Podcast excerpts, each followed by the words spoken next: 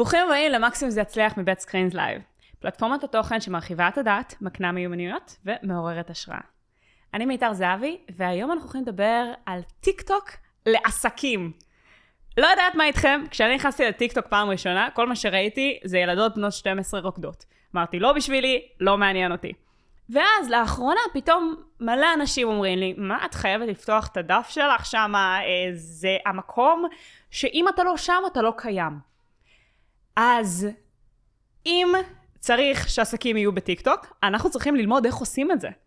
ולטובת זה הבאתי פה היום את איתי מרשל, שהוא אה, מרצה לכל הנושא של רשתות חברתיות, ליווה הרבה מאוד עסקים בטיקטוק, ואנחנו יכולים ללמוד איך עושים את זה.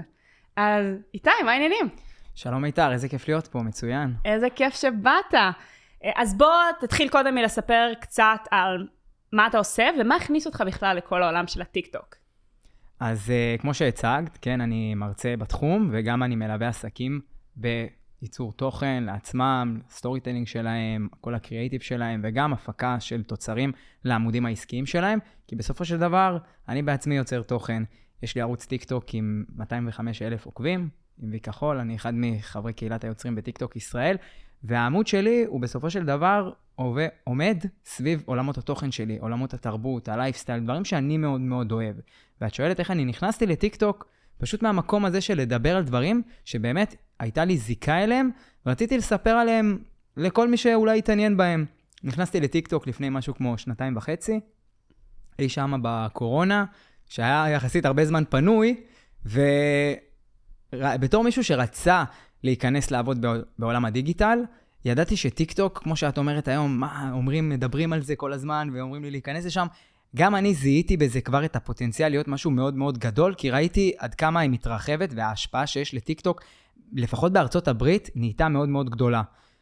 I dived into it, ממש התחלתי לראות מה קורה שם, וגם אני בהתחלה קצת אה, לקחתי צעד אחורה. גם ראיתי בעיקר בני נוער שרוקדים ועושים טרנדים, כי בסופו של דבר התבססה על אפליקציית מיוזיקלי, שבה אנשים בגילנו ועסקים בכלל לא היו, וגם לא הייתה מותאמת עבורנו, אבל ה-DNA התחיל להשתנות. עקב השינוי מיתוג הזה ממיוזיקלי לטיק טוק, והתחלתי לראות דווקא יוצרי תוכן שאני אישית אוהב לעקוב אחריהם בכל מיני תחומים שמעניינים אותי, מתחילים לספר שהם עושים טיק טוק. וקיבלתי השראה בעצם להבין שטיק טוק הוא כמו טוויטר בווידאו. אפשר לדבר על משהו בצורה יחסית קצרה, ולראות את האינטראקציה שנבנית מכך, כי היא מגיעה בסופו של דבר מקהל זר. וזה אחד הדברים שבאמת היו mind blowing מבחינתי בטיקטוק. אז זה לא רק ילדות בנות 12 שרוקדות.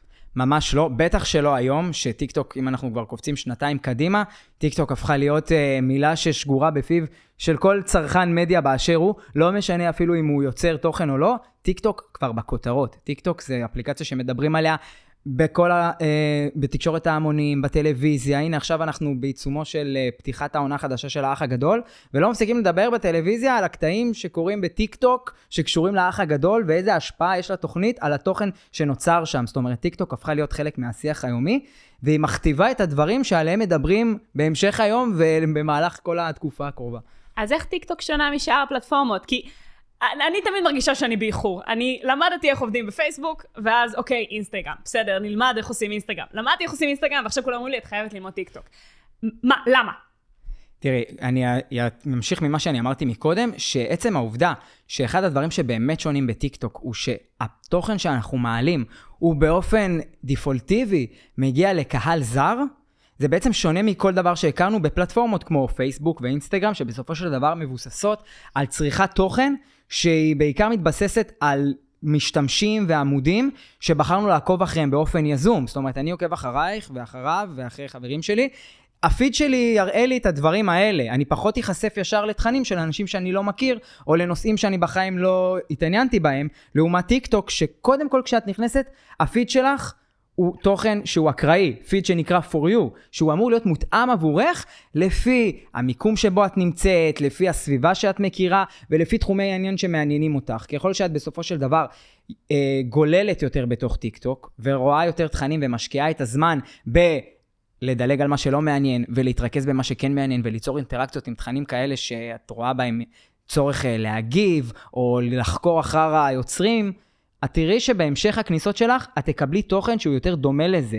ומה שקורה בעצם, שחוויית הצפייה שלך הופכת להיות מה שנקרא הרבה יותר uh, מעניינת, מצד שני גם יותר ממכרת, אבל תמיד את גם תהיי מופתעת להיכנס עוד פעם לטיקטוק, לראות במה יפתיעו אותי, מה הדבר הבא שהאלגוריתם יביא לי. ומצד אחד זה כיף בתור uh, צופה, מצד שני בתור משתמש, זה נותן הזדמנות אדירה להיחשף לקהל חדש שבחיים לא היה מכיר אותך, אם לא היית מפרסמת את התוכן שלך דווקא שם. זה מה שקרה לי. אני ביום הראשון שלי בטיקטוק הגעתי מ-0 ל-100 עוקבים, ואחרי חודש ל-22 אלף עוקבים. התוכן הראשון שהעליתי הגיע ל-13 אלף צפיות בשעה, בלי שהיו לי עוקבים, רק מעצם העניין שהם התעניינו במה שהיה לי לספר. שזה דבר שנתן לי המון מוטיבציה להמשיך וליצור תוכן וללמוד על ניהול קהילה, ובסופו של דבר להעריך את הידע והערך שיש לי לתת, מעבר לזה שאני מנסה אה, להרשים או לעניין אנשים שכבר מכירים אותי. וזה הביא אותי לאן שאני היום. וואו, אז זה באמת זה שינוי תפיסה לחלוטין. באמת אתה אומר, במקום שזה יהיה שאני בוחר מה לצרוך, אתה פשוט מקבל יותר דברים שקשורים לתחומי עניין שלך. וואי, עכשיו אני, וואי, אני סוף סוף מבינה. תקשיב, אני שמעתי על טיקטוק לדעתי שנתיים כבר, וכל פעם כזה, מה, זה נשמע סתם חרטא, זה נשמע סתם חרטא, ופעם ראשונה אני חושבת שאני באמת מבינה את הערך שזה נותן. אם אמרתי שזה כמו טוויטר בווידאו, זה גם כמו טינדר של תוכן. זה טוב טינדר של תוכן. ממש ככה. אהבתי ממש. טוב, אה, אז איך עושים את זה? בואו בוא נדבר שנייה פרקטיקה.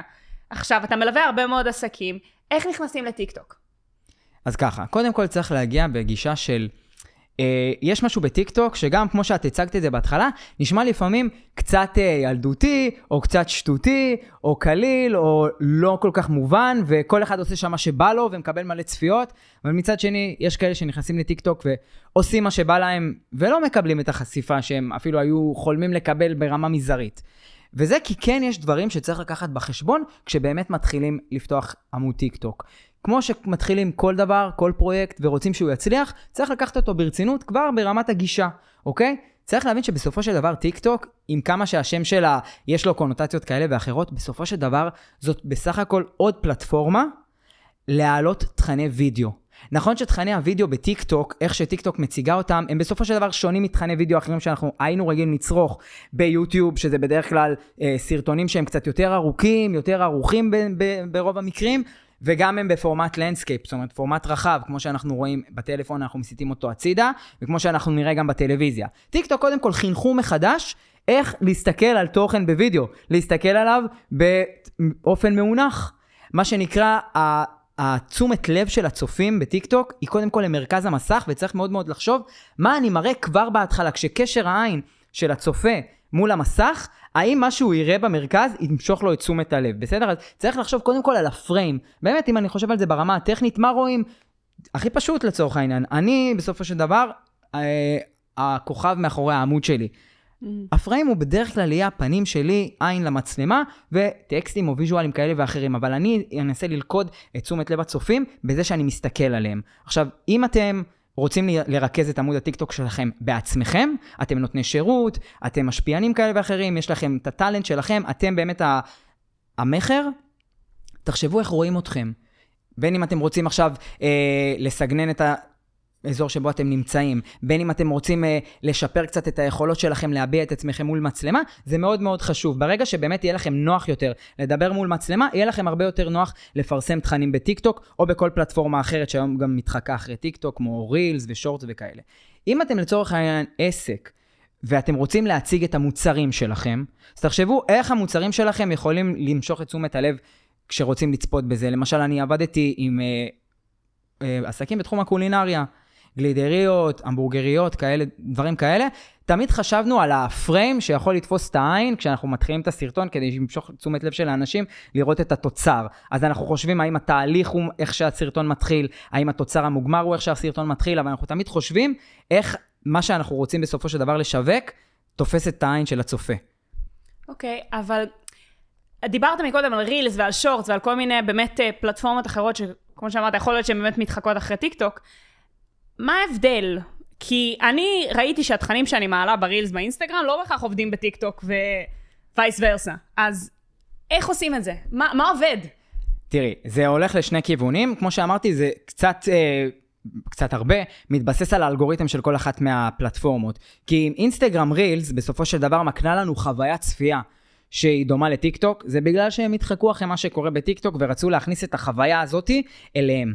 אבל אינסטגרם, כבר עוד מלפני טיק טוק ובאופן כללי, מתבססת על האנשים שאת עוקבת אחריהם, מה הם יוצרים, מה הכי מעניין מתוכם, זה מה שאת תראי קודם. זאת אומרת, אני שם לב שבתור אה, user באינסטגרם, התכנים שאני אראה הם בהכרח של אנשים שיש להם כבר הרבה עוקבים, ובזכות זה שיש להם הרבה עוקבים, ויש להם קהילה עם מעורבות מאוד גבוהה, ככה התכנים שלהם ברילס יעלו. כן, דרך רילס אפשר להגיע לחשיפה אורגנית, ואני אומר את זה באופן חד משמעי, כי אני רואה גם עמודים שיש להם 700 עוקבים, שמקבלים ברילס 1,000 ו-2,000 צפיות. אוקיי? גם אני רואה פתאום שאני מעלה תוכן ברילס והוא מקבל לייקים מאנשים שאפילו לא עוקבים אחריו. אני יודע שזה הגיע לפיד של הרילס, אבל בסופו של דבר ברילס זה כן מתבסס על כמה הקהל האמיתי שלך הוא מעורב, וזה מה שיעזור לתוכן שלך, קודם כל להגיע לחשיפה גבוהה יותר בקרב העוקבים, ומתוך כך לחשיפה גבוהה יותר בקרב עיניים זרות. טיק טוק אומרים לך, אתה יכול להיות על אפס עוקבים, ואתה תקבל חשיפה כלשהי, ולפי איך שאותם אנשים זרים אה, מתכתבים עם התוכן שלך ברמת המעורבות, האם הם כן נשארים לצפות בו, האם הם מחליקים מהר קדימה, ככה אנחנו נחשוף אותו ליותר ויותר אנשים. בסופו של דבר, ככל שהחשיפה גדלה, ככה גם הפוטנציאל להרחיב את כמות העוקבים עולה. אבל באיזשהו מקום, אני רואה שההבדל המרכזי הוא שבאינסטגרם כן צריך לבסס קהילת עוקבים מסוימת בשביל שהתוכן יצליח יותר, ובטיקטוק באמת זה כמה שאתה יותר מעניין, כמה שאתה יותר מושך, כמה שאתה יותר מפתיע, התוכן שלך יעבוד. הבנתי. ומה התכנים שאנחנו רואים שעובדים הכי הרבה בטיקטוק?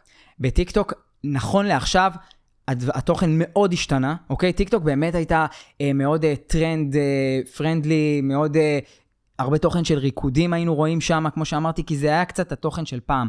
יש עכשיו סוג של שינוי כיוון בטיקטוק. טיקטוק מתחרים בפלטפורמות כמו גוגל בעיקר, הם רוצים להתחרות ביוטיוב, אפשר היום להעלות תכני טיק טוק שהם עד עשר דקות. לא שאני עכשיו אומר שזה משהו מומלץ, אבל uh, כן, כן רוצים לתת הרבה יותר עניין בטיק טוק. רוצים שאנשים ייכנסו לטיק טוק וילמדו דברים. רוצים שעכשיו תחפשי מתכון.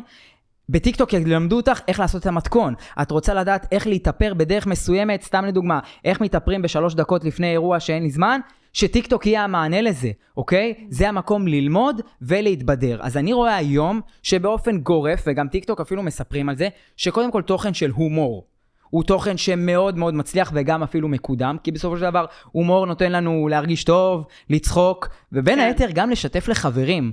והמון אנשים היום נכנסים לטיקטוק בגלל שחברים שיתפו אותם בתכנים מצחיקים.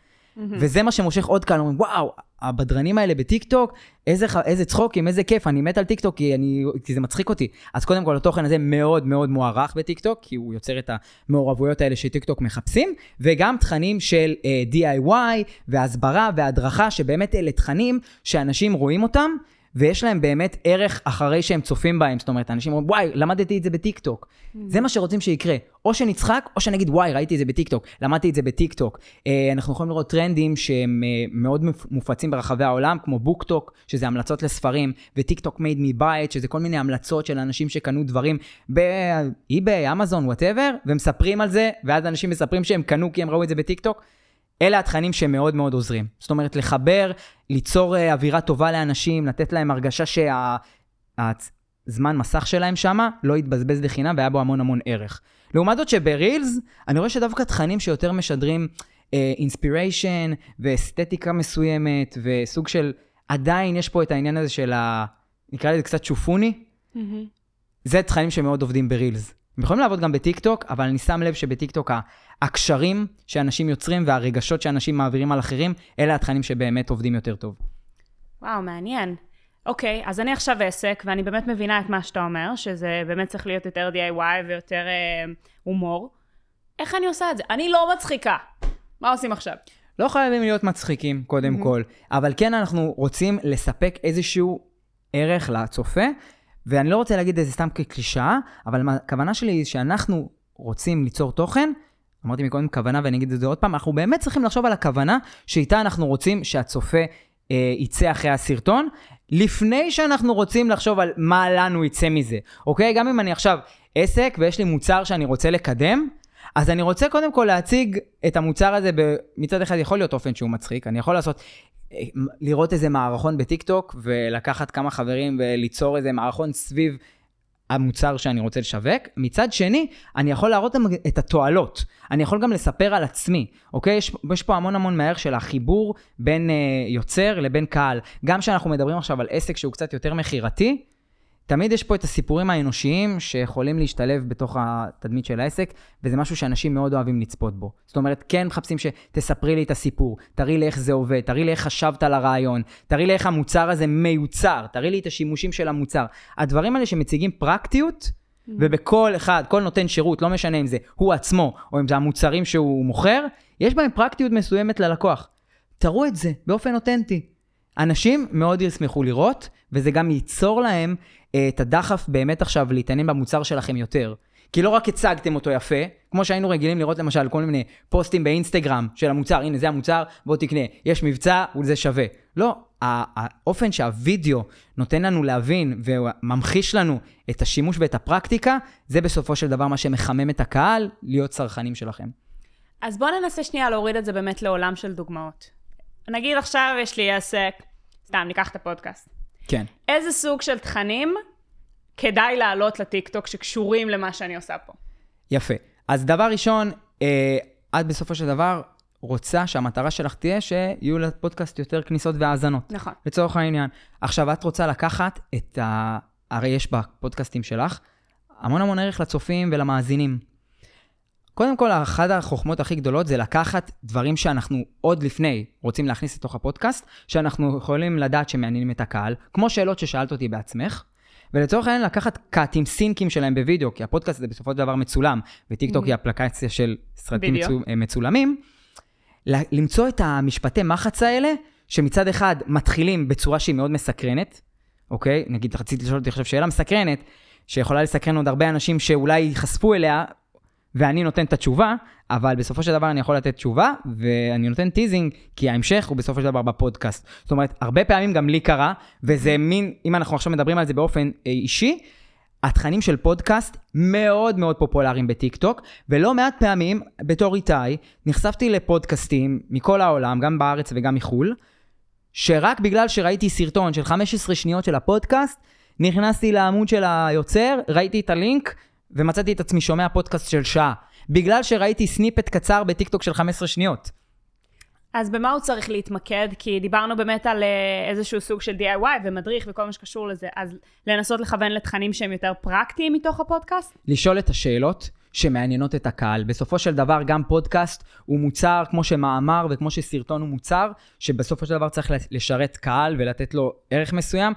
כמו שאני בסופו של דבר רוצה ליצור תוכן בתור בלוגר בתחום שלי, אני מחפש מה מעניין את הקהל. אני עושה את החקר שוק שלי, נקרא לזה. אני, אני רואה מה הנושאים הטרנדים החמים, מה המילות, מה הנושאים כאילו שאם אני אדבר עליהם, כנראה ימשכו את תשומת לב הקהל. זה מה שהייתי עושה בתור פודקאסט, מכניס את הנושאים הכי חמים בזירה שלי, שאני יכול לדעת שיעניינו את הקהל, ולהראות להם דרך טיק טוק שאני מדבר על זה אצלי בפודקאסט.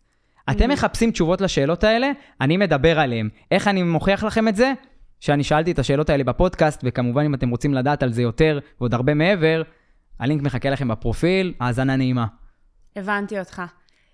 ובוא נדבר שנייה גם באמת על כל הנושא של אלגוריתם ולקדם ושיווק, כי אני מכירה פלטפורמות אחרות שיש את כל הנושא של השטגים ותיוגים וזה. מה המדע מאחורי טיק טוק? מה צריך לדעת? אז קודם כל, חשוב לי להגיד את זה כאן, ואני לא יודעת כמה, באיזה מקומות אמרתי את זה, אבל הנה אני אומר את זה בפודקאסט שלך, ואני שמח להגיד את זה פה לכל הצופים שיראו את זה. אין מדע מדויק. בסופו של דבר, יש אתכם, יש את מה שאתם רוצים להציע, זה תמיד יותר חזק מהכל. תמיד אני אומר, קהילה אמיתית שמתעניינת בתוכן שלכם חזקה יותר מכל אלגוריתם. כי בסופו של דבר, כן, האלגוריתם קובע באיזה זמן תופיעו ולפני מי תופיעו. אבל כשתהיה לכם באמת קהילה שמעוניינת בתוכן שאתם מעלים, גם אם היא לא מאות אלפי אנשים, אפילו אם זה כמה עשרות או מאות, הם אלה שיהיו שם בשביל להגיב, לענות, לחכות לתוכן הבא שלכם, תאמינו, זה כבר. חזק יותר לפני הכל. Mm. אבל uh, לשאלה שלך, אשטגים וכאילו להכניס את כל העניין הטכני הזה, קודם כל זה לפעמים קצת מלחיץ אנשים. אוקיי? ואנשים נורא חושבים, רגע, אם אני לא עשיתי מחקר אשטג, אז אני לא יודע, לא בכלל יכול להעלות סרטונים, כי אני לא יודע באיזה אשטגים עדיין להשתמש. קודם כל, גם סרטונים בלי אשטגים מצליחים בטירוף. אני תמיד משתמש באשטגים, ותכף אני אסביר למה, אבל עשיתי לא מעט ניסיונות על עצמי, וגם אני רואה באופן גורף, שאנשים מעלים סרטונים לטיקטוק בלי תיאור ובלי האשטג ומגיעים למאות אלפי צפיות. כי כמו שאמרתי, אנשים מסתכלים על מרכז המסך ואיך אתה תופס אותי בהתחלה. האשטג והתיאור בטיקטוק, הם נמצאים למטה, הם מאוד מאוד אה, לא נראים לעין לצורך העניין, ובסופו של דבר אנחנו צריכים כמה שיותר לחשוב על איך אנחנו תופסים את, את, את אה, תשומת לב של הצופה למרכז המסך. עכשיו, שימוש בהאשטגים בטיקטוק, לצורך העניין, עוזר לתוכן להיות uh, מתורגת קצת יותר נכון לקהל יעד רלוונטי. ולמה אני מתכוון? אם אני עכשיו יוצר תוכן שמדבר על uh, עסקים, כלכלה, התפתחות אישית, אלה המילים שאני ארשום ב... בקפשן שלי באשטגים, אוקיי? ואני בסך הכל שלושה ארבעה מילים באשטג. כי יכול להיות ש... שמה שקורה הוא שאם עכשיו מישהו ייחשף לתוכן הזה, וסתם לדוגמה היה בו את האשטג עסקים וכלכלה. והוא מצא עניין בתוכן הזה, ואז מחר אני אעלה סרטון שגם מכיל את האשטגים עסקים וכלכלה. אותו צופה שצפה בסרטון הזה אז אתמול, שלך, שהביע בו עניין, כן. פתאום האלגוריתם אומר לו, אתמול ראית עסקים וכלכלה וזה עניין אותך. אז הנה איתי העלה סרטון גם עם האשטגים האלה, בוא נראה אם זה גם מעניין אותך. עכשיו, אותו צופה, הוא לא יחפש את האשטגים למטה, הוא יחפש אם אני הצלחתי לעניין אותו, ואם דיברתי על תחום העניין שלו, אז תהיה פה קורלציה בין האשטגים לבין המשתמש. ואז הצלחתי לפגוע בקהל יעד נכון. אבל יכול להיות שהוא בכלל יתעניין בך, בעמוד שלך, בשאר הדברים, וברגע שאני עליתי לו על המסך, לא משנה באיזה אשטגים השתמשתי, זה לא עניין אותו. אז ככה האלגוריתם גם יודע לזהות בסופו של דבר באמת איזה תכנים יותר מתאימים. האם את מתעניינת במשהו בגלל האשטגים שיש בסרטונים? האם את מתעניינת בסרטון הזה בגלל היוצר עצמו? האם את מתעניינת בגלל הסאונד אולי שהיה מופעל שם? אז זה לא בהכרח מבטיח הצלחה, אבל זה יכול לעזור לה להתקדם, ושוב, לא צריך לקחת את זה בצורה שהיא מאוד קשוחה, פשוט להשתמש במילים שבאמת מתאימות למה שאתם מדברים עליו. אל תשתמשו באשטג האח הגדול, אם אתם עכשיו מכינים עוגת שוקולד, בסדר? Okay, כי כולם. כן. עכשיו משתמשים באשטג האח הגדול. זה מישהו שמתעניין באמת באח הגדול, רואה מתכון לעוגת שוקולד, הוא לא איזה פודר, הוא ידלג על זה, מה זה משנה באיזה אשטג השתמשתם. אז פשוט תיקחו את זה פשוט, תהיו אמיתיים עם מה שאתם כותבים, וזה יכול לעזור לכם להגיע לקהל הנכון. הבנתי. אז זה על האשטגים. יש עוד דברים שכדאי שאנשים ידעו ברמה הטכנית של הדברים שעובדים? כן. שמעבר לתוכן?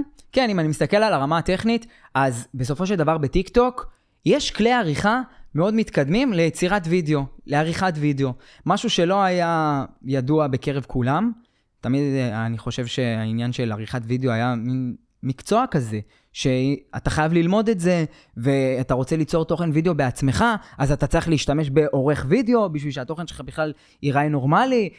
אני יכול להגיד לך שאותי לפני כמה שנים, בתור מישהו שבאיזשהו מקום אני כן נמצא במקום שרציתי להיות בו, בתור יוצר תוכן, בן אדם שמסתכלים עליו, שמכירים אותו, שמדבר על הדברים שהוא אוהב, ואז יוטיוב מבחינתי הייתה באמת הפלטפורמה שהייתי רוצה להצליח בה. אבל תמיד הסתכלתי על זה מהצד, mm-hmm. ו... תמיד הייתי רואה את היוטיוברים המצליחים, גם בארץ וגם בחו"ל, כאילו עומד מאחוריהם איזה צוות מטורף של אורחים ושל צלמים, ושתמיד משדרים איזה יוקרה מסוימת, הם משדרים סטנדרט מאוד גבוה, שאני בתור מישהו שרוצה להיכנס לתחום, חושב שאני אכניס את הרגל וישר יטבע למים עמוקים. לאיך הצלחתי בטיקטוק? הצלחתי להביע את עצמי כמו שאני רציתי, ולא הייתי צריך אף אחד, כל הכלים היו שם. המצלמה אשכרה מהטלפון שלי, אוקיי, אתם מבינים? הטלפון שלכם הפך להיות היום סטודיו לכל דבר, וכלי העריכה הם קיימים בתוך המערכת. אז כמו שידעתי פעם להשתמש באינסטגרם וללמוד איך לערוך שם תמונות וצבעים, פתאום בטיקטוק למדתי איך אני מוסיף סאונד, איך אני מוסיף טקסט, איך אני מתזמן דברים, איך, אני, איך קורה שפריים אחד הופך לפריים אחר. כל הכלים האלה קיימים בתוך טיקטוק. אז כן הייתי ממליץ לכם להכיר את הכלים, אפילו הדברים הבסיסיים, כמו למשל להשתמש בטקסטים בהתחלה, ולתת להם ככה להתחלף, כדי שתמיד ירוץ משהו על המסך שיעזור לעוקבים להיות, לצופים, להיות יותר מעורבים בסרטון. באמת תשתמשו בכלים האלה כי הם קיימים, וזה יעזור לאנשים באמת אה, לה, להתעניין בתוכן שלכם. אם אני עכשיו רוצה לדבר, ואני יכול לדבר על הדבר הכי מעניין בעולם, ואת יודעת מה? ויתרתי על להשתמש בטקסט בהתחלה, אפילו שיהיה כתוב הנושא החדש, למשל, אה, לא יודע מה, ההפתעה הגדולה בסרט הבא של מארוול, ואני רוצה לדבר על זה, ויש לי קהל שאוהב את התכנים האלה. אם אני רושם את הכותרת הזאת כבר בהתחלה, לפחות שהיא מופיעה לכמה שניות, הבן אדם שגלל באוטוסטרדה עד שהוא הגיע לתוכן שלי, שומע כל כך הרבה דברים ברקע, אם לפחות הטקסט מנחה אותו להבין מה הוא הולך לראות בשניות הקרובות, זה יכול מאוד לעזור לו לעצור ולצפות בתוכן שלי. אז תיקחו את זה בחשבון, תשתמשו בכלים האלה שיש לטיקטוק. הרבה פעמים שאני גם מעביר הדרכות כזה, אנשים אומרים, יואו, זה לוקח מלא זמן, וזה... נכון, זה לוקח קצת יותר זמן, אבל בסופו של דבר זה יעזור לתוכן שלכם גם להצליח באופן חד משמעית. אז תחשבו אם אתם רוצים להשקיע את הקצת אקסטרה הזה, שבסופו של דבר גם נהיה יותר פשוט משימוש לשימוש, כדי לעזור לתוכן שלכם להצליח כמו שאתם רוצים. הבנתי. האמת שזו באמת נקודה ממש חשובה, כי באמת הקשב שלנו נהיה מאוד מאוד קצר. אז אנשים אפילו לא, לא שומעים את המילה הראשונה שלך והם כבר גוללים הלאה. אז טקסט בהתחלה, נראה לי זה, זה ממש משמעותי. אני רוצה לחזור למה שדיברת עליו מקודם, הנושא של קהילה. כי לי יש קהילה בפייסבוק, יש לי קהילה באינסטגרם, ובטיקטוק לא הצלחתי להבין איך עושים את זה. אז מה הכלים שיש לנו לניהול קהילה בטיקטוק?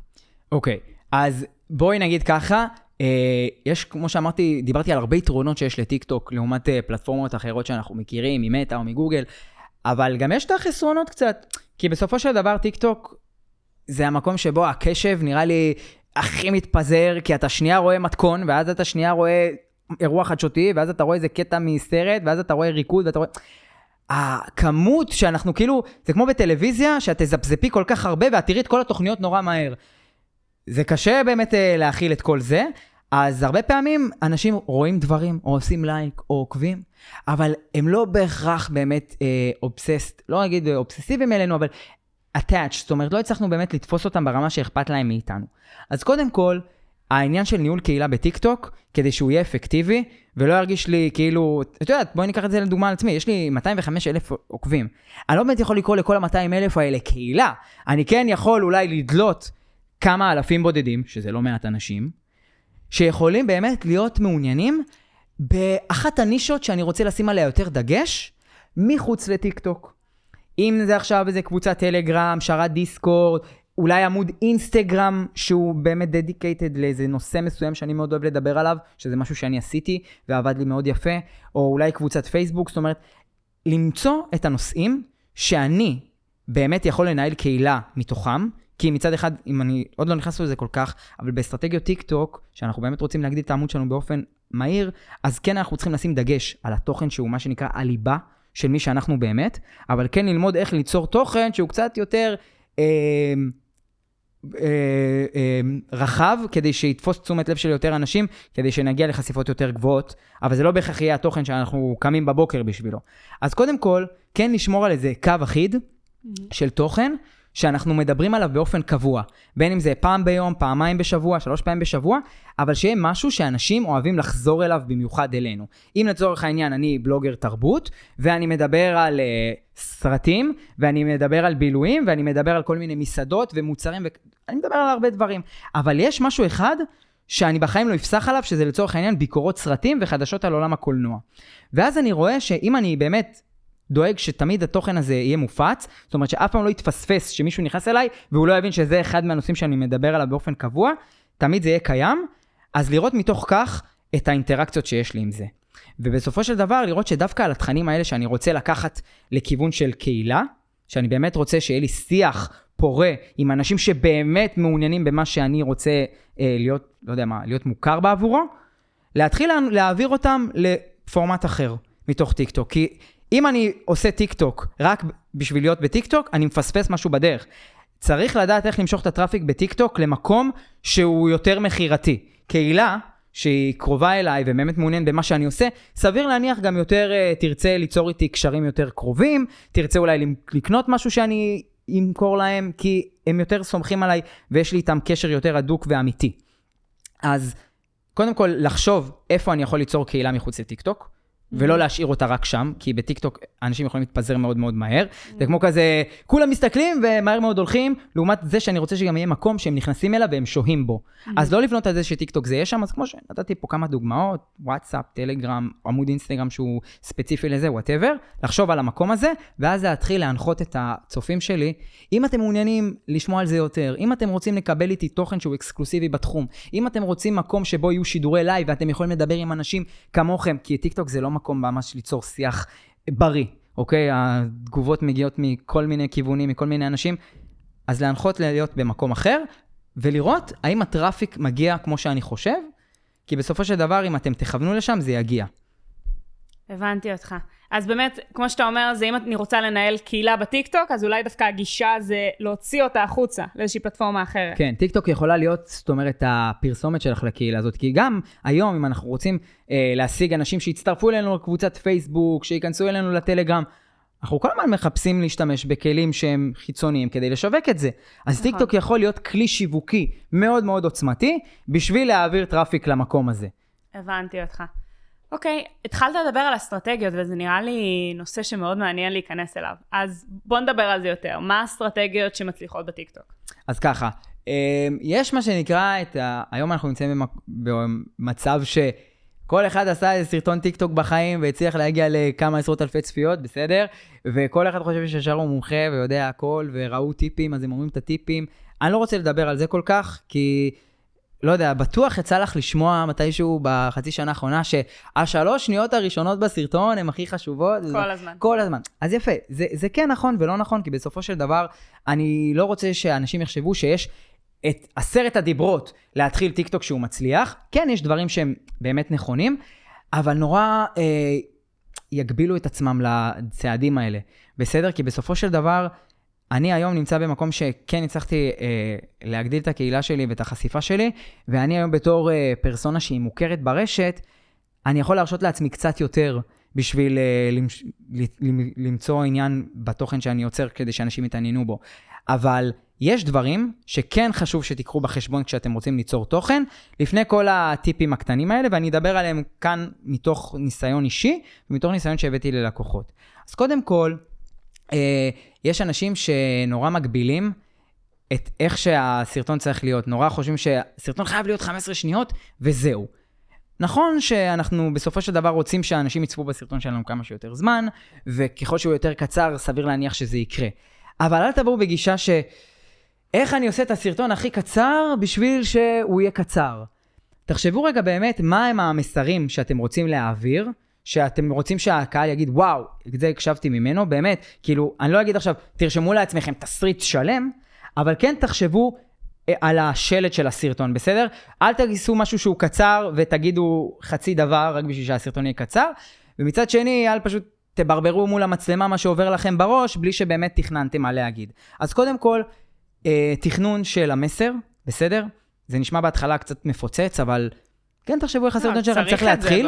וכן תחשבו מה אתם רוצים להגיד בסרטון. אם אתם תהיו, אה, מה שנקרא, מספיק אה, דבוקים במטרה הזאת, אז גם אם יצא לכם סרטון של 24 שניות או 32 שניות, הוא יכול לעבוד טוב. כי אתם חשבתם קודם כל מה המסר שאתם רוצים להעביר ואתם את, נתתם את ההבטחה או נתתם את ההרגשה שזה מה שהצופה הולך לקבל כשהוא צופה בסרטון, ובאמת דאגתם להעביר את המשפט או את המסר המרכזי בצורה הכי ברורה שיש, יכול להיות שאחרי המסר הזה יש מה שנקרא מקום להרחיב. Mm. אז תחשבו איך אתם יכולים להרחיב מסר לעוד סרטונים, אם אתם עכשיו אומרים, וואו, על זה אני יכול לדבר שלוש דקות, אז אולי תעשה מזה שלושה סרטונים, אולי תעשה מזה ארבעה סרטונים, אולי כן תרחיב על זה בקהילה שלך, אבל כן תיקחו בחשבון שאתם רוצים אה, לעטוף את הסרטון שלכם לפני שאתם משדרים אותו החוצה, ואל תעשו אותו קצר כדי לצאת ידי חובה. בסדר? אז העניין של תסריט כן מאוד משמעותי. מיש, זה, כל אחד יכול להצליח, כן?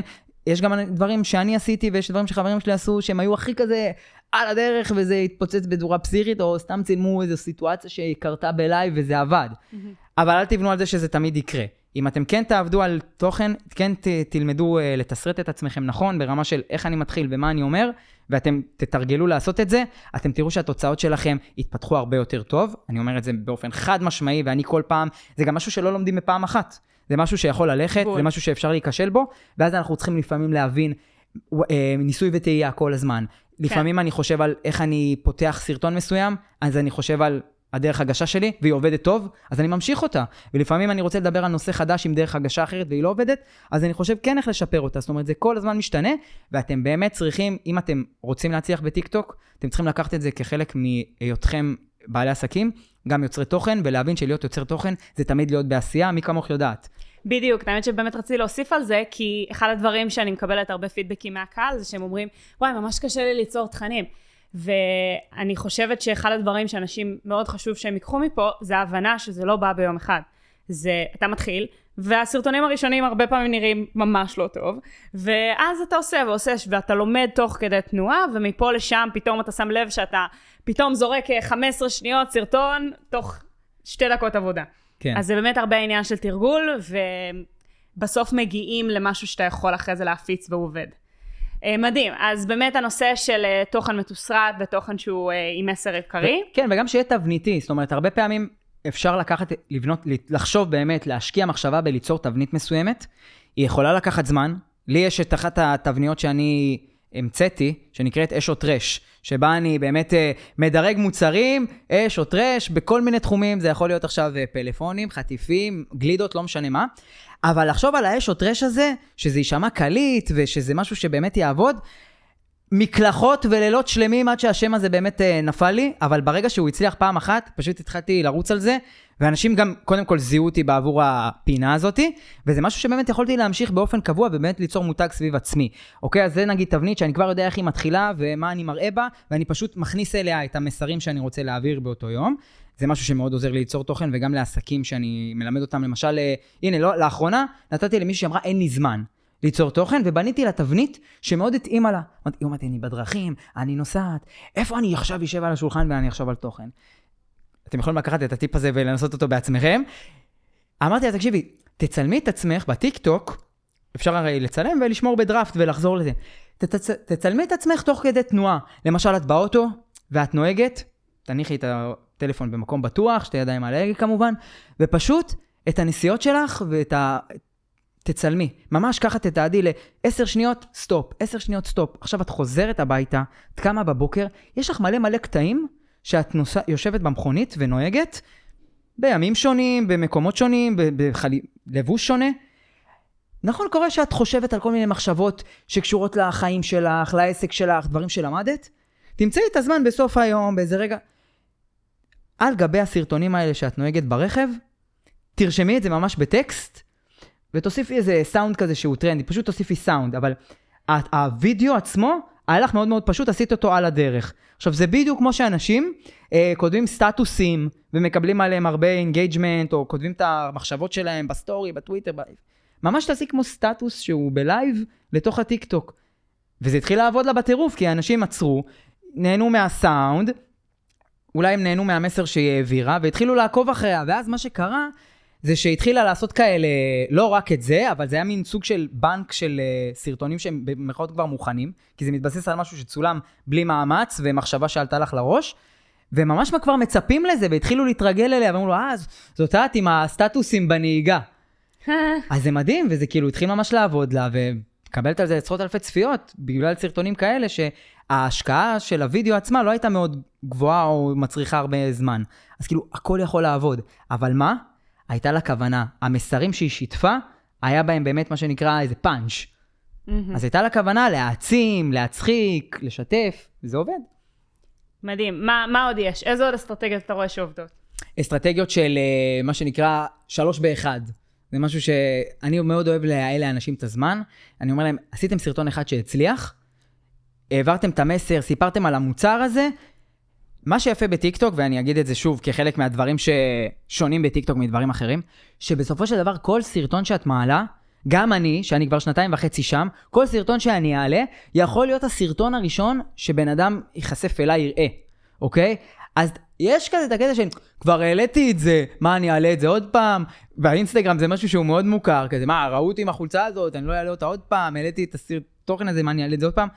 בטיקטוק אתם, אני לא, קודם כל, כן אפשר לשחזר סרטונים, בסדר? היה סרטון שעבד מלפני כמה חודשים, אתם יכולים להעלות את אותו סרטון עוד פעם, והוא יכול להתפוצץ אפילו יותר מהפעם הראשונה, כי שוב, כמו שאני אומר, אם הוא עבד ל-200 אלף צפיות פעם, הוא יכול לעבוד לעוד 200 אלף צפיות חדשות, או לאנשים ששכחו שהם ראו את זה או משהו כזה, אז קודם כל קחו את זה בחשבון.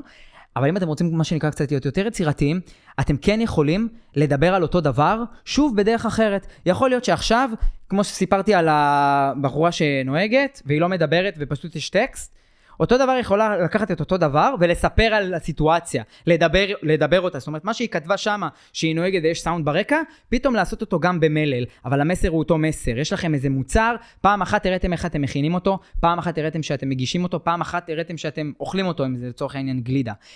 יש המון המון דרכים בטיק טוק להעביר מסר שהוא אותו דבר בצורה אחרת. אוקיי? אז תחשבו, לפעמים אתם יכולים להיות מה שנקרא, לעשות משהו שאתם מדברים אותו, משהו שאתם מציגים אותו ועושים איזה תנועה או משהו כזה שהסאונד מדבר אותו, או אפילו אה, להגיב לעצמכם. יש היום בטיקטוק את האפשרות למשל אה, לעשות דואט. את יכולה לעשות Mhm. דואט לעצמך, את יכולה לעשות חיבור לעצמך, זאת אומרת, לעשות repurposing לתוכן. זה מדהים כמה שזה עובד, ובסופו של דבר זה כאילו, הדבר שזה בעיקר חוסך, זה לחשוב על עוד רעיון מחדש. זה מה שאני שם לב שגם מאוד מאוד קשה לאנשים, לפעמים יותר מלצלם ולערוך, זה ה- איך אני חושב על רעיונות. אז שימו כן, לב שרעיון... היצירתיות זה הרבה פעמים כן. מה שמגביל אותך, כזה, טוב, אין לי רעיונות, אין לי מוזה. כן, אז תחשבו באמת איך אתם יכולים למצוא אה, מסר אחד ולהציג אותו בשלוש דרכים שונות, כי זה באמת יכול לגעת באנשים אחרים כל פעם מחדש, וגם אף אחד לא יגיד, אוי, זה כבר ראיתי את זה. אל תחשבו את זה, פשוט אה, תיצרו ותיתנו ל, ל, תיתנו לעצמכם יותר קרדיט ביותר תוכן על משהו אחד שחשבתם עליו. אהבתי ממש. יש לך עוד? זה, זה זהב מבחינתי הדברים האלה. האמת שבאמת הדברים לא נגמרים, ואני בעצמי כל יום אה, בונה לעצמי מתודות חדשות, מדברים שאני רואה, מדברים שאני חושב עליהם. הרבה פעמים דברים שאני חושב עליהם גם לא כאלה מצליחים, אה, אבל אני נהנה מזה. כי אני קודם כל תמיד מאמן את עצמי לחשוב מחוץ לקופסה. אני תמיד מאמן את עצמי לחשוב על משהו חדש. אה, קל מאוד להישחק, אוקיי? ונכון, מצד אחד אני גם חושב שזה חשוב להסביר שיש מה שנקרא טיקטוק לבעלי עסקים, ויש טיקטוק לפרסונות, למשפיענים. בעלי עסקים באיזשהו מקום, יש להם תמיד את המטרה, פשוט כמה שיותר awareness למותג שלי, כמה שיותר באמת לקבל צפיות וחשיפות וכל זה, כי אני רוצה שהעמוד יהיה פשוט עוד חלק מהמשפך שלי. והרבה פעמים זה באמת עובד, שכאילו אני עושה משהו כי אני רוצה שהעסק שלי יתפרסם יותר. אבל מצד שני, אם אתם רוצים באמת שתהיה סיבה משמעותית לחזור אליכם, ובטח אם אתם פרסונות ומשפיענים בתחילת דרככם, או אפילו בואי נדבר על אנשים מפורסמים שנכנסו לטיקטוק לאחרונה, כמו נאור ציון, שהוא סטנדאפיסט, והוא מתפוצץ בטיקטוק לאחרונה, בכלל מזה שהוא עושה סרטונים של מתכונים, הוא עושה סרטונים שהוא נותן את הדעה שלו לגבי דברים אקטואליים, לגבי זה שהוא נותן פרשנות למשחקי NBA, והמון אנשים צעירים, שאפילו לא בהכרח מכירים את נאור ציון כסטנדאפיסט כוכב מלפני כמה שנים טובות, פתאום נחשפים אליו מחדש. אז כאילו, הוא אמר, וואלה, אני, זה שאני הייתי סטנדאפיסט, זה לא אומר שעכשיו אם אני נכנס לטיקטוק, אני חייב להיות מצחיק כמו שהם מכירים אותי, או כמו שאני עושה כל החיים שלי. אני יכול להראות קצת יותר מעצמי, אני יכול להראות מה אני אוהב לאכול, ואיך אני אוהב לבשל, ומה אני חושב על א', ב', ג', וזה עובד. אז תמיד תיתנו לעצמכם את החופש קצת לצאת מהקופסה. גם אני יכולתי לצורך העניין לדבר רק על סרטים וכל זה, שזה מהמם, וכן, הרבה פעמים אומרים, אה, תתמקד רק בנישה אחת, ו... אני לא חושב, כי כמו שאמרתי שוב, כל תוכן שאנחנו עושים בטיקטוק כל פעם מגיע לעיניים זרות. אז יכול להיות שיש אנשים שמתעניינים בקולנוע, ויש אנשים שמתעניינים באוכל, ויש אנשים שמתעניינים באופנה, ואם אני באמת מעניין אותי הדברים האלה באופן אישי, אני לא מתבייש להראות אותם, גם לקהל שהכיר אותי בזכות תוכן אחד, כי בזכות תוכן אחר קהל חדש יכול להגיע. אז תהיו פתוחים, בסדר? Mhm. תמיד תחשבו, אולי יש עוד משהו שאני יכול להוסיף. אם זה מעניק לכם הנאה, באמת, אם זה מעניק לכם עניין, אם זה מעניק לכם הצלחה, אם זה מעניק לכם משהו טוב, תמיד יש את המקום לשתף לאחרים. אנשים מאוד מאוד אוהבים שנותנים, שאנשים נותנים מעצמם, שאנשים נותנים מהזמן שלהם, עוזרים לאנשים גם לענות יותר וגם להצליח יותר. ככה יעריכו אתכם תמיד. מעניין. מה לגבי אה, טעויות שאנשים עושים בפלטפורמה הזאת? מה הדברים שנתקלת בהם הכי הרבה? אוקיי, אז יש מה שנקרא טעויות אה, טכניות ויש קצת אה, טעויות אה, אישיות. טעות טכנית זה חד משמעית שהיום אני רואה אנשים שהם מעלים תכנים שיווקיים, זה קורה בעיקר עם עסקים, כן? שכבר היו להם כל מיני תכני וידאו מאוד מושקעים שהם הפיקו בעבר, לפני שטיקטוק הפך להיות כזה סטנדרט שאתה יכול לצלם מאייפון ולקבל סרטון מטורף, שהשקעת על סרטון תדמית כמה אלפי שקלים ולא הביא לך את אותן תוצאות. אז מה שהם עושים כזה, אה, אני אעלה סרטון תדמית של שלוש דקות, שהוא בפורמט landscape, ולא תופס את כל שטח המסך. זאת אומרת, קודם כל תתפסו את כל שטח המסך. אוקיי, טיק טוק נותנים לכם, הצפייה בטיק טוק, כמו שאמרנו, היא, מאונך, היא במאונך. תנצלו את זה, תנצלו את כל הנדל"ן מסך, אל תעלו סרטונים שהם אה, רוחביים, זה פחות עובד, אוקיי? זה עובד, אני לא יכול להתכחש לזה שזה עובד, שאנשים מעלים קטעים מכל מיני סדרות כמו הפיג'מות או דברים כאלה, וכן, אבל, אבל יש הכרה לצופה עם מה שהוא רואה באותה שנייה. אבל אם זה אתם, ואתם רוצים, היי, תכירו אותי, תתעניינו בי, ת, תלכו לפי חוקי הפורמט, תעשו את זה בגדול. תעשו, תעשו את זה בגדול, תעשו את זה כמו שצריך. אה, יש כאלה שלא מבינים עצם העובדה שטיקטוק היא פלטפורמה רועשת, לא כמו פייסבוק או טוויטר או אינסטגרם, שגם מתחילה להיות כזאת שאנחנו נכנסים ואנחנו קוראים דברים או רואים דברים כאילו שהם מושתקים. טיקטוק זאת פלטפורמה רועשת, נכנסים, רוצים לשמוע דברים. לא נכנסים לטיקטוק בשביל לראות תמונות ולקרוא. לכן אתם צריכים כן שהסאונד שלכם יהיה טוב. יש אנשים שהם אה, מצלמים באיכות סאונד מאוד לא טובה, או שהם רחוקים מדי מהמצלמה. זה יישמע כזה, אה, אתה מכריח אותי לעשות משהו, אני לא מכריח לעשות כלום. אבל אם אתם יכולים להשתמש באיזה עזר טכני שיעזור לאודיו שלכם להישמע יותר טוב, בעזר תאורה שיעזור לכם להיראות יותר טוב, היום ring light אני חושב שזה מוצר שהוא חובה בכל בית, פעם זה היה כזה, מה ring light זה רק של בנות שעושות איפור וכאלה, זה נשי. לא, היום ring light זה משהו טוב מאוד שיכול לעזור לפנים שלכם, לסביבה שלכם להיראות יותר מוארת, כי אנשים אוהבים לראות דברים ברורים. אוקיי? ושאנשים עושים דברים שהם אה, באזור חשוך, או גרעיני כזה, שהמצלמה לא מצלמת טוב. מגורן, כן. מגורן, כן? אנשים פוסחים על הסרטון. אל תיתנו לזה. תיתנו לאנשים להקשיב לכם יותר טוב, לראות אתכם יותר טוב. זה מאוד מאוד מאוד קריטי. אני התחלתי בטיקטוק עם חצובה.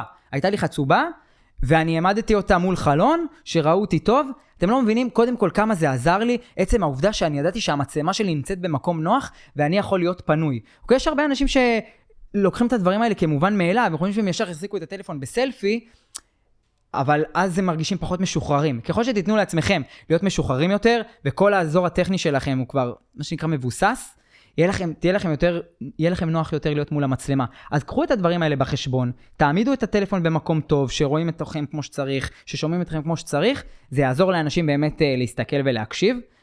אז אל תפסחו על זה, אוקיי? זאת, אם אתם באמת רוצים לקחת את זה ברצינות, זאת לא השקעה כספית מאוד גבוהה, והיא תשתלם לכם חד משמעית. וברמה הפרסונלית, אני חושב שיש אנשים שהם יותר מדי חושבים שטיקטוק זה כמו סטורי. אוקיי? אהמ. ועכשיו, מה קורה בסטורי, באינסטגרם? בסופו של דבר, סטורי זה המקום... על הדרך. זה על הדרך, אבל זה מיועד לאנשים שמכירים אותנו. אה נכון. היום אני מראה סטורי, מה אני עושה היום, זה כנראה כי הסברתי מה עשיתי אתמול. אנשים ממשיכים איתי את הסיפור שלי. אני יוצר אינטראקציות יותר קרובות עם אנשים שהם כבר עוקבים אחריי. בטיקטוק אנשים לא עוקבים אחריכם ישר. המון אנשים גם יראו את התוכן שלכם והם לא יעקבו. שזה משהו שהוא גם בסדר, כי אם אנשים, יש הרבה אנשים שעוקבים אחריי, שרואים את התוכן שלי, הם לא עוקבים אחריי, אבל טיקטוק רואה שהם, כל פעם שאני מופיע להם ב-for you, אז הם צופים, אז הוא פשוט ממשיך להביא להם אותי. אז אני אומר לאנשים, אל תחששו מהעוקבים בטיקטוק, כי אנשים יראו אתכם אם הם מתעניינים אחר, אבל גם מצד שני, אל תעשו תוכן, כאילו, היי, אתם כבר מכירים אותי, טוב, אז היום אני פה, טוב, אז עכשיו אני שם, מצלם את החבר שלי, עושה איזה שטות. זה לא האינסטגרם, זה לא הסטורי של האינסטגרם שאנשים כאילו יודעים למה לצפות ממנו, מבינים שהם כבר חלק מהחיים שלי. בטיקטוק, שוב, אנשים לא מכירים אתכם, אז אתם צריכים לדבר אליהם כאילו, הם לא מכירים אתכם, זה לא מובן מאליו. כמו דייט ראשון כל פעם מחדש. אין מה לעשות, זה ככה. אז כמו שאמרתי, תתייחסו אל זה כאילו זה מתחיל ונגמר. זה לא משהו שהמשיך ממשהו אחר. הבנתי אותך. אה, טוב, אנחנו תכף צריכים לסיים. אני אשמח לשמוע ממך את ה... טיפ או טיפים זהב שיש לך לאנשים שרוצים להיכנס לטיקטוק, וכאילו איך להצליח בטיקטוק. אז ככה, אה, קודם כל, תאמינו שתצליחו בטיקטוק. יש הרבה שאומרים, מה, האם העסק שלי מתאים לטיקטוק? האם לא כל עסק מתאים לטיקטוק? תחשבו על זה ככה, האם העסק שלכם מתאים לצלם אליו וידאוים? לצלם סרטונים? ברור שכן. האם יש לכם תוכן להעביר? ברור. אז טיקטוק זה פשוט עוד מקום להציג אותו, בסדר? ו- ובטח ובטח שהיום, ש... הפורמטים, ה-short form video, הפך להיות הדרך שלנו לעכל תוכן היום, וזה פשוט פסיכי, כאילו איך שאנחנו עכשיו נכנסים אה, לאינסטגרם, אז אנחנו רואים Reels בעיקר, וה Reels נכנסו לתוך הפייסבוק, ויוטיוב עושים את Shorts, זאת אומרת, מבינים היום שאנשים התרגלו לראות סרטונים שהם מחזיקים את הנייד, ורוצים לקבל איזה סיפור ב-20 חצי דקה, אוקיי? אז קודם כל באמת תבינו שהיום המקום של ליצור תוכן שבאמת מצליח, הוא קצר, הוא מונח, הוא בפורמט של טיק טוקי, אבל הוא מתאים גם לעוד פלטפורמות. אז תחשבו היום שאם אתם משקיעים בזה שאתם יוצרים תוכן בשביל טיק טוק, הוא יתאים לכל הפלטפורמות שלכם, זאת אומרת, אין לכם, אתם רק מפסידים כשאתם לא יוצרים תוכן שהוא מותאם לטיק טוק. אז ברור, ברור, ברור, ברור שיש לעסק שלכם מקום בטיקטוק, כי גם אומרים מה, קהל היעד שלי לא שם וכל זה.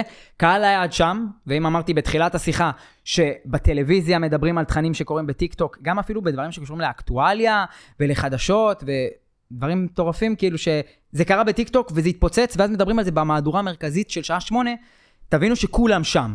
אז אל תבואו בגישה של זה לא בשבילי, הקהל שלי לא שם, אתם סתם מפסידים הזדמנות, אתם סתם מפסידים חשיפות, תבואו ב mindset שהקהל שלכם שם והכל בסדר, ותחשבו בסופו של דבר איך להיות פחות אה, רשמיים, פחות מכירתיים. טיק טוק זה לא מקום לפרסם מבצעים, וזה לא מקום להגיד אה, בואו לקנות. זה מקום באמת לתת, לאח... לתת לאנשים להכיר אתכם, לתת לאנשים להבין את הערך שיש לכם להציע להם, גם אם זה גלידה, וגם אם זה אימון מנטלי, וגם אם זה אה, סטודיו לאימוני כושר. תראו את הערך, את, ה... את הפרקטיקה שבמוצר שלכם, בצורה שעובדת בטיק טוק. זה יכול להיות עכשיו עם איזה טרנד, אוקיי? כן, אתם צריכים, לפני שאתם נכנסים לטיק טוק ואתם רוצים לעשות את זה בעצמכם, או להבין מה המשווק שלכם עושה, אתם חייבים לתת לעצמכם לפחות את הזמן למידה. זמן למידה בטיק טוק זה לגלול בפלטפורמה הזאת פעם ביום 20 דקות. אפילו 10 דקות בבוקר ו-10 דקות בערב. אני מבטיח שזה יהיה יותר זמן. מצטער על הזמן שישרף לכם, אל תאשימו אותי. אבל, ואז אתם תראו הרבה השראות בתחום. יש כבר מעל מיליארד משתמשים בפלטפורמה הזאת. יש המון דברים שאתם יכולים לקחת מהם השראה. כן תנסו לחפש את הדברים שעניינו אתכם באופן אישי, אוקיי? וזה משהו שאני לא עשיתי על עצמי בהתחלה, אבל כן, היום אני יכול להגיד אותו לאחרים. תחפשו מה קורה בנישה שלכם, בארץ, בחו"ל, תראו מה עובד, ותנסו בסופו של דבר להתאים את זה לעצמכם. זה לא נקרא להעתיק, זה נקרא לקבל השראה. כי בסופו של דבר, נכון. אתם זה אתם, המוצר שלכם הוא המוצר שלכם, הדרך שבה אתם מגישים את התוכן היא שלכם בפרט, אבל כנראה יש איזו תבנית מסוימת שעבדה על, על הרגש של, האחר, של האנשים שהם צפו בסרטון מסוים ונתנו לו הרבה לייקים, תנסו לשחזר את זה בעצמכם. אל תבואו בגישה שזה קשה ואני צריך להמציא הכל מאפס, הכל קיים שם, תחפשו תכנים שאתם נהנים מהם, ותנסו במרכאות לקבל מהם השראה או להתחקות אחריהם. ולהוסיף את התבלין שלכם. להוסיף את התבלין שלכם, והתבלין שלכם לא צריך להמציא אותו, כי הוא כבר קיים, וזה מה נכון. שמושך אנשים חדשים. אז זה מסתכם באותנטיות בסופו של דבר. לגמרי, ואני לא יכולה להסכים יותר. באמת, כשאני נכנסתי ליצירת תוכן בסושיאל, בהתחלה חשבתי שאני צריכה להמציא את הכל.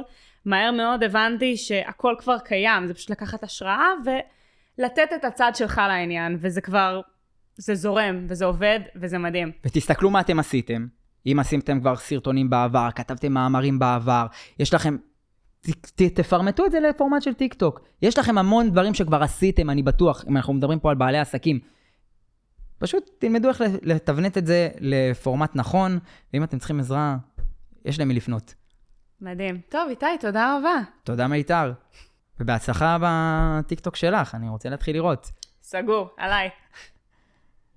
טוב חברים, זה היה הפרק שלנו עם איתי מרשל. אתם מוזמנים לשתף את הפרק הזה עם חברים, להצטרף לקבוצת הפייסבוק שלנו, מקסימום זה יצליח, הקהילה, וגם לחשוב רגע, איך אתם יכולים להשתמש בטיקטוק כדי לקדם את עצמכם יותר? ואם אתם כבר משתמשים, אז אולי מה אתם יכולים לעשות אחרת? אני מיתר זהבי, ונתראה שבוע הבא בעוד פרק של מקסימום זה יצליח. thank you